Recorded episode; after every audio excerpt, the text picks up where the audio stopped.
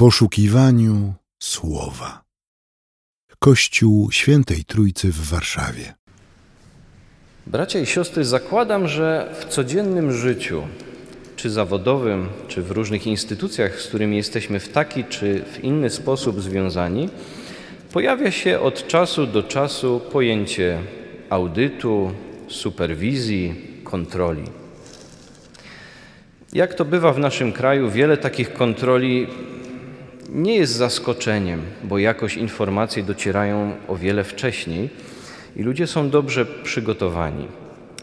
Ale co by się stało, gdyby taki audyt, kontrolę naszego duchowego życia trzeba było przeprowadzić dzisiaj, teraz, w tym momencie? Jakie byłyby nasze reakcje? Może próbowalibyśmy negocjować, może jutro, za tydzień, najlepiej za rok albo za dekadę, bo muszę się przygotować, było wiele spraw, przyciągały uwagę i ta kwestia życia duchowego, wiary niekoniecznie była priorytetem. Myślę, że na pewno byłby jakiś niepokój.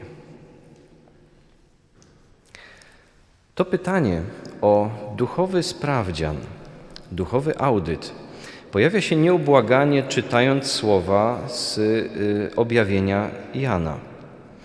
W rozdziałach drugim i trzecim tej księgi napotykamy na taki właśnie audyt siedmiu wspólnot w Azji Mniejszej. Bardzo różnie wypadają wnioski z tej kontroli. O tym za chwilę. Pytanie o audyt można spokojnie zadać w okresie Adwentu, który patrząc z perspektywy roku kościelnego jest początkiem.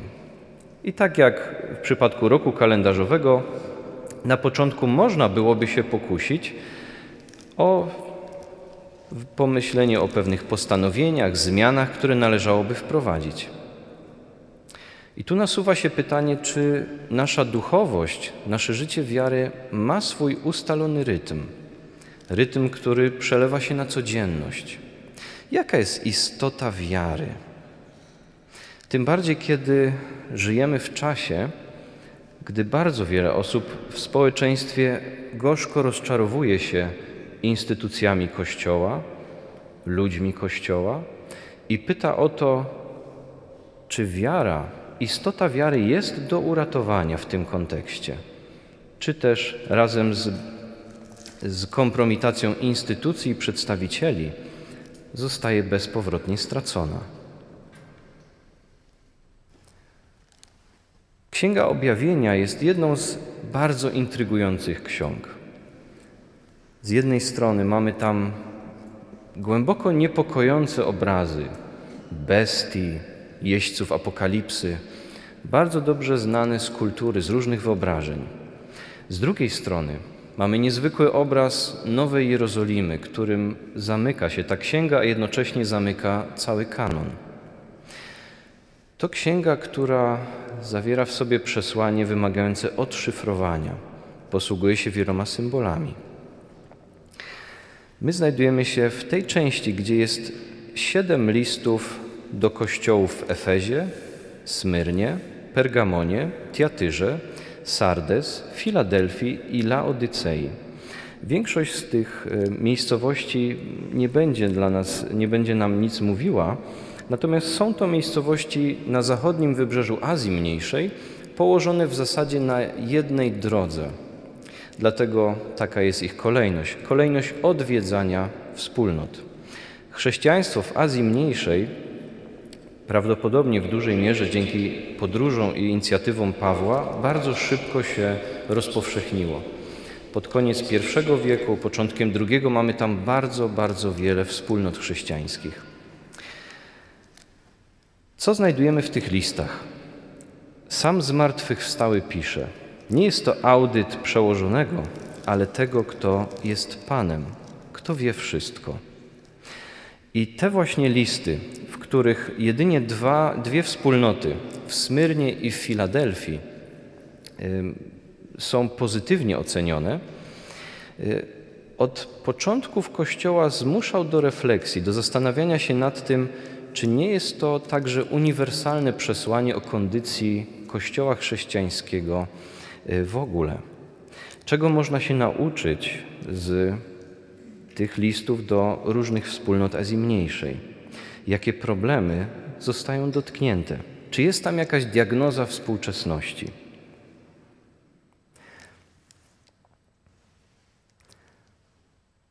Poza służbą duchownego zajmuje się także superwizją psychologiczno-pastoralną. I tam czasami superwizant, superwizantka potrzebują dokonać analizy instytucji, w której służą, swojej parafii, bądź też jakiejś instytucji kościelnej. I co ciekawe, czasami po takiej głębokiej analizie tego, co tak naprawdę liczy się dla danej wspólnoty, co jest ważne, co przyciąga uwagę, okazuje się, że w centrum wcale nie stoi Ewangelia, Chrystus, wspólnota wiary, ale że uwagę przykuł na przykład zabytkowy budynek, albo pielęgnacja historii, albo niezwykle charyzmatyczny duchowny, bądź też jakaś grupa spokrewniona ze sobą uważa, że parafia jest ich własnością. I biada każdemu, kto chciałby wstąpić do tej parafii bo to obcy. To nie jest osoba, dla której byłoby tam miejsce. Przykłady można by mnożyć, bo pokusa jest uniwersalna. Żeby zastąpić to, co powinno być w centrum, czymś innym. Nie z jakichś złych intencji. Tak po prostu się dzieje. I wymaga to od czasu do czasu powiedzenia: sprawdzam, co tak naprawdę jest w centrum życia danej wspólnoty, co jest dla ludzi cenne. Czy jest to rzeczywiście wiara, czy też coś innego? I gdy okaże się, że w życiu danej wspólnoty, zboru, parafii coś innego zostało postawione w centrum, jest najistotniejsze i odpowiedzialni za życie e, parafii chcą to zmienić, wtedy rozpoczyna się walka. Walka z lokalnymi świętościami bo one są postawione co najmniej na równi z przesłaniem chrześcijaństwa. Nie jest to łatwe, żeby walczyć o przywrócenie tego, co ma centralne znaczenie, żeby je postawić w centrum. Zresztą wiele spraw, które są kluczowe dla życia parafii jako wspólnoty, jak duszpasterstwo, rozmowa z drugim człowiekiem, to nie jest coś, co łatwo zauważymy z zewnątrz. Nie zdaje się przecież sprawozdań z tego, jakie były treści rozmów duszpasterskich, bo byłoby to zupełnym zaprzeczeniem e, ich istoty. To jest coś, czego nie widać, a co dokonuje się w cichości. Towarzyszenie drugiemu człowiekowi w kryzysach, trudnościach i wyzwaniach. Łatwo byłoby wspólnotę, w której duszpasterstwo jest ważne, szybko ocenić, bo z zewnątrz nie będziemy tego widzieć.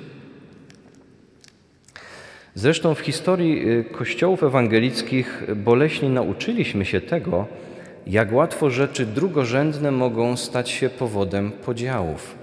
To był spór, spory w zasadzie, bo ciągną się one do dnia dzisiejszego o tak zwane adiafora, czyli te sprawy, rzeczy, tradycje, praktyki życia wiarą, które nie są, które są po prostu wyrazem jakiegoś historyczno-kulturowego sposobu jej przeżywania ale mogą być różne w różnych miejscach i nie są ani lepsze, ani gorsze. Niestety z biegiem czasu okazywało się, y, że dla danych grup były one znacznie ważniejsze niż wspólnota Kościoła, że były, y, były i stawały się powodem rozłamów i podziałów, bo były postawione w samym centrum. Niektórzy żartobliwie mówią, że gdyby te adiafora odnieść e, do pewnych postaw dotyczących liturgii, że jest tylko jedna różnica między terrorystą a liturgistą. To, że z terrorystą jeszcze można negocjować. Natomiast z tym drugim nie ma na to przestrzeni. Tak łatwo tradycje, zwyczaje, praktyki mogą stać się dla nas ważniejsze od tego, co centralne. Zresztą to, że Kościół chrześcijański do dnia dzisiejszego, a protestantyzm szczególnie, jest mocno podzielony i niełatwo jest znaleźć wspólny język, jest przykrym obrazem tego właśnie.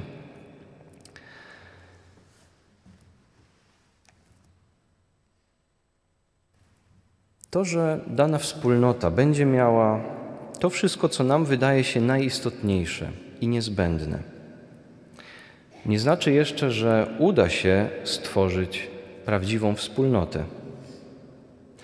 Niestety jest to doświadczenie wielu chrześcijan w naszym kraju, że rzadko, może czasami nigdy, nie doświadczyli wspólnoty pomiędzy ludźmi wierzącymi.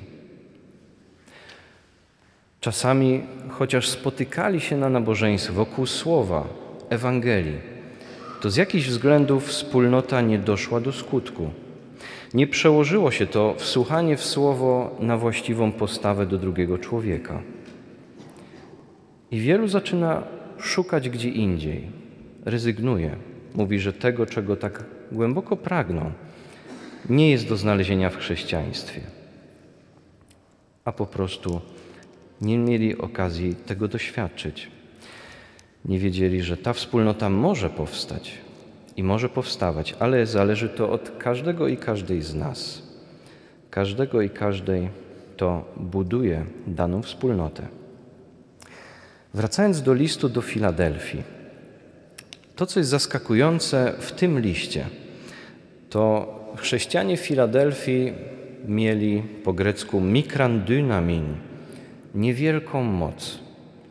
Żadne analizy filologiczne nie pomogą nam tutaj odkryć, o co dokładnie chodziło. Prawdopodobnie była to po prostu niepozorna wspólnota, nie mająca ani charyzmatycznych przywódców, ani wielkich środków do dyspozycji, może składająca się z ludzi bardzo prostych, zwyczajnych, taka, po której nie spodziewamy się niczego wielkiego.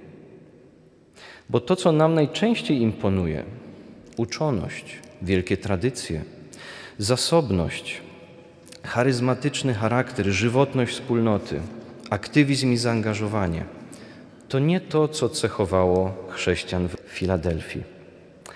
W wersecie ósmym czytamy: Znam Twoje czyny. Oto sprawiłem, że przed Tobą są otwarte drzwi, których nikt nie może zamknąć bo choć masz niewielką moc, to jednak zachowałeś moje słowo i nie wyparłeś się mojego imienia.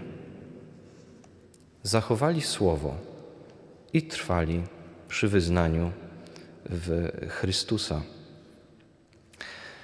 Zwłaszcza, że tam kontekst pewnych prześladowań i wrogości był znaczący. Było to codzienne doświadczenie e, chrześcijan tamtego czasu różne rodzaje wykluczenia, wrogości bądź prześladowania za to, że przyznają się do wiary chrześcijańskiej, że w Jezusie z Nazaretu widzą kogoś, kto zmienia bieg świata. I w tym kontekście byłoby znacznie łatwiej zrezygnować, poddać się, przemilczeć kwestie wiary, żeby mieć spokój. Wierzący w Filadelfii jednak, pomimo tego, że nie mieli niczego, co mogłoby imponować, trzymali się po prostu słowa. Byli wierni przesłaniu, które przyjęli z zaufaniem. I chociaż dzisiaj w kontekście polskim nie jest tak, że grożą nam jakieś prześladowania czy wrogość, to zakładam, że i nam w wielu sytuacjach codziennych może trochę wstyd jest przyznać się do wiary, może pojawia się pokusa, że lepiej byłoby te kwestie w ogóle przemilczeć. Po co jakieś e, krytyczne spojrzenia, drwiące uśmiechy, że bierzemy na poważnie przesłanie e, pisma, że modli- jeśli chodzi o modlitwę, wierzymy, że ona zmienia nie tylko nas, ale ma jakiś wpływ na rzeczywistość. I dzisiaj jest ta pokusa, żeby przemilczeć, żeby na co dzień zapomnieć o wierze, zapomnieć o przesłaniu Ewangelii. To, co zaskakuje w liście do kościoła w Filadelfii, to to, że pomimo niewielkiej mocy ta wspólnota dysponuje ogromną potęgą. Sam zmartwychwstały, ten, który otwiera i zamyka, stoi pośrodku nich. I on sprawia, że pomimo niewielkich możliwości, będą mogli wywrzeć ogromny wpływ. W tym tekście to, co mogłoby nas zaniepokoić, pojawia nam się synagoga szatana. Nie chodzi tutaj o Żydów, chodzi o to, że w Filadelfii judaizm był bardzo popularny. I były grupy, które uważały się za Żydów, chociaż formalnie nie wstąpiły w ogóle do judaizmu, i prawdopodobnie o taką grupę tu chodzi, która wobec chrześcijan była z tego tytułu też szczególnie wroga. Stąd jest mowa, że są, to są ci, którzy nie są Żydami, a którzy odnoszą się wrogo, jakby, jakby mieli do tego podstawy. I to jest wielki paradoks tej wspólnoty. Wspólnoty prawdopodobnie bez cudów, bez uniesień, wspólnoty, która mierzy się ze słabościami, z wyzwaniami, ale daje się nieść słowu obietnicy, która odnajduje głębie w prostocie. I to jest chyba to, czego wielu ludzi dzisiaj szuka. Głębi, prostoty, bezpośredniości. I niestety wielu wyznaniom chrześcijańskim, wielu kościołom nie zawsze udaje się pamiętać o tym, co powinno stać w centrum, bo tak bardzo zajmuje nas pielęgnowanie własnej tradycji, które, w której jest oczywiście wiele skarbów. Tak bardzo często zajmują pytania o porządek, o strukturę, o finanse, że można zapomnieć, że w centrum życia wspólnoty jest doświadczanie bliskości Boga który zstąpił dla nas i za nas na tę ziemię. Fascynuje mnie to w rozmowach z dziećmi, które potrafią w niezwykły sposób w tym, co proste, odkryć głębie. Pamiętam, jak spacerowałem z moim synem, miał wtedy trzy lata, zobaczył, to była jakieś, jakaś właśnie taka choinka wystawiona w mieście, to było w Gliwicach. Zobaczył gwiazdę na jej czubku i wtedy mówi: Tato, Popatrz, ta gwiazda mówi wszystkim ludziom: nie bójcie się, Pan Bóg się urodził. Nie bójcie się, Pan Bóg się urodził. Bardzo mi to wtedy poruszyło, bo często jest tak, że szukamy głębi i prawdy w tym, co skomplikowane, złożone, co będzie nam imponować.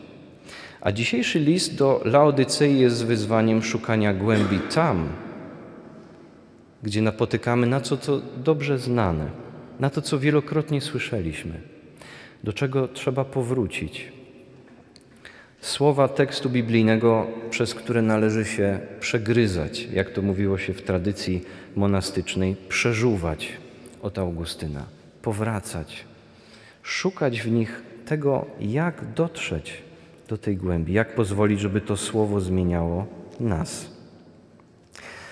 Zmartwychwstały w tym liście maluje także piękną wizję przyszłości, otwartych drzwi, które nie zależą, nie są prostą wynikową wysiłków chrześcijan z y, Filadelfii, ale biorą się z tego, w kogo wierzą, kto jest pomiędzy nimi.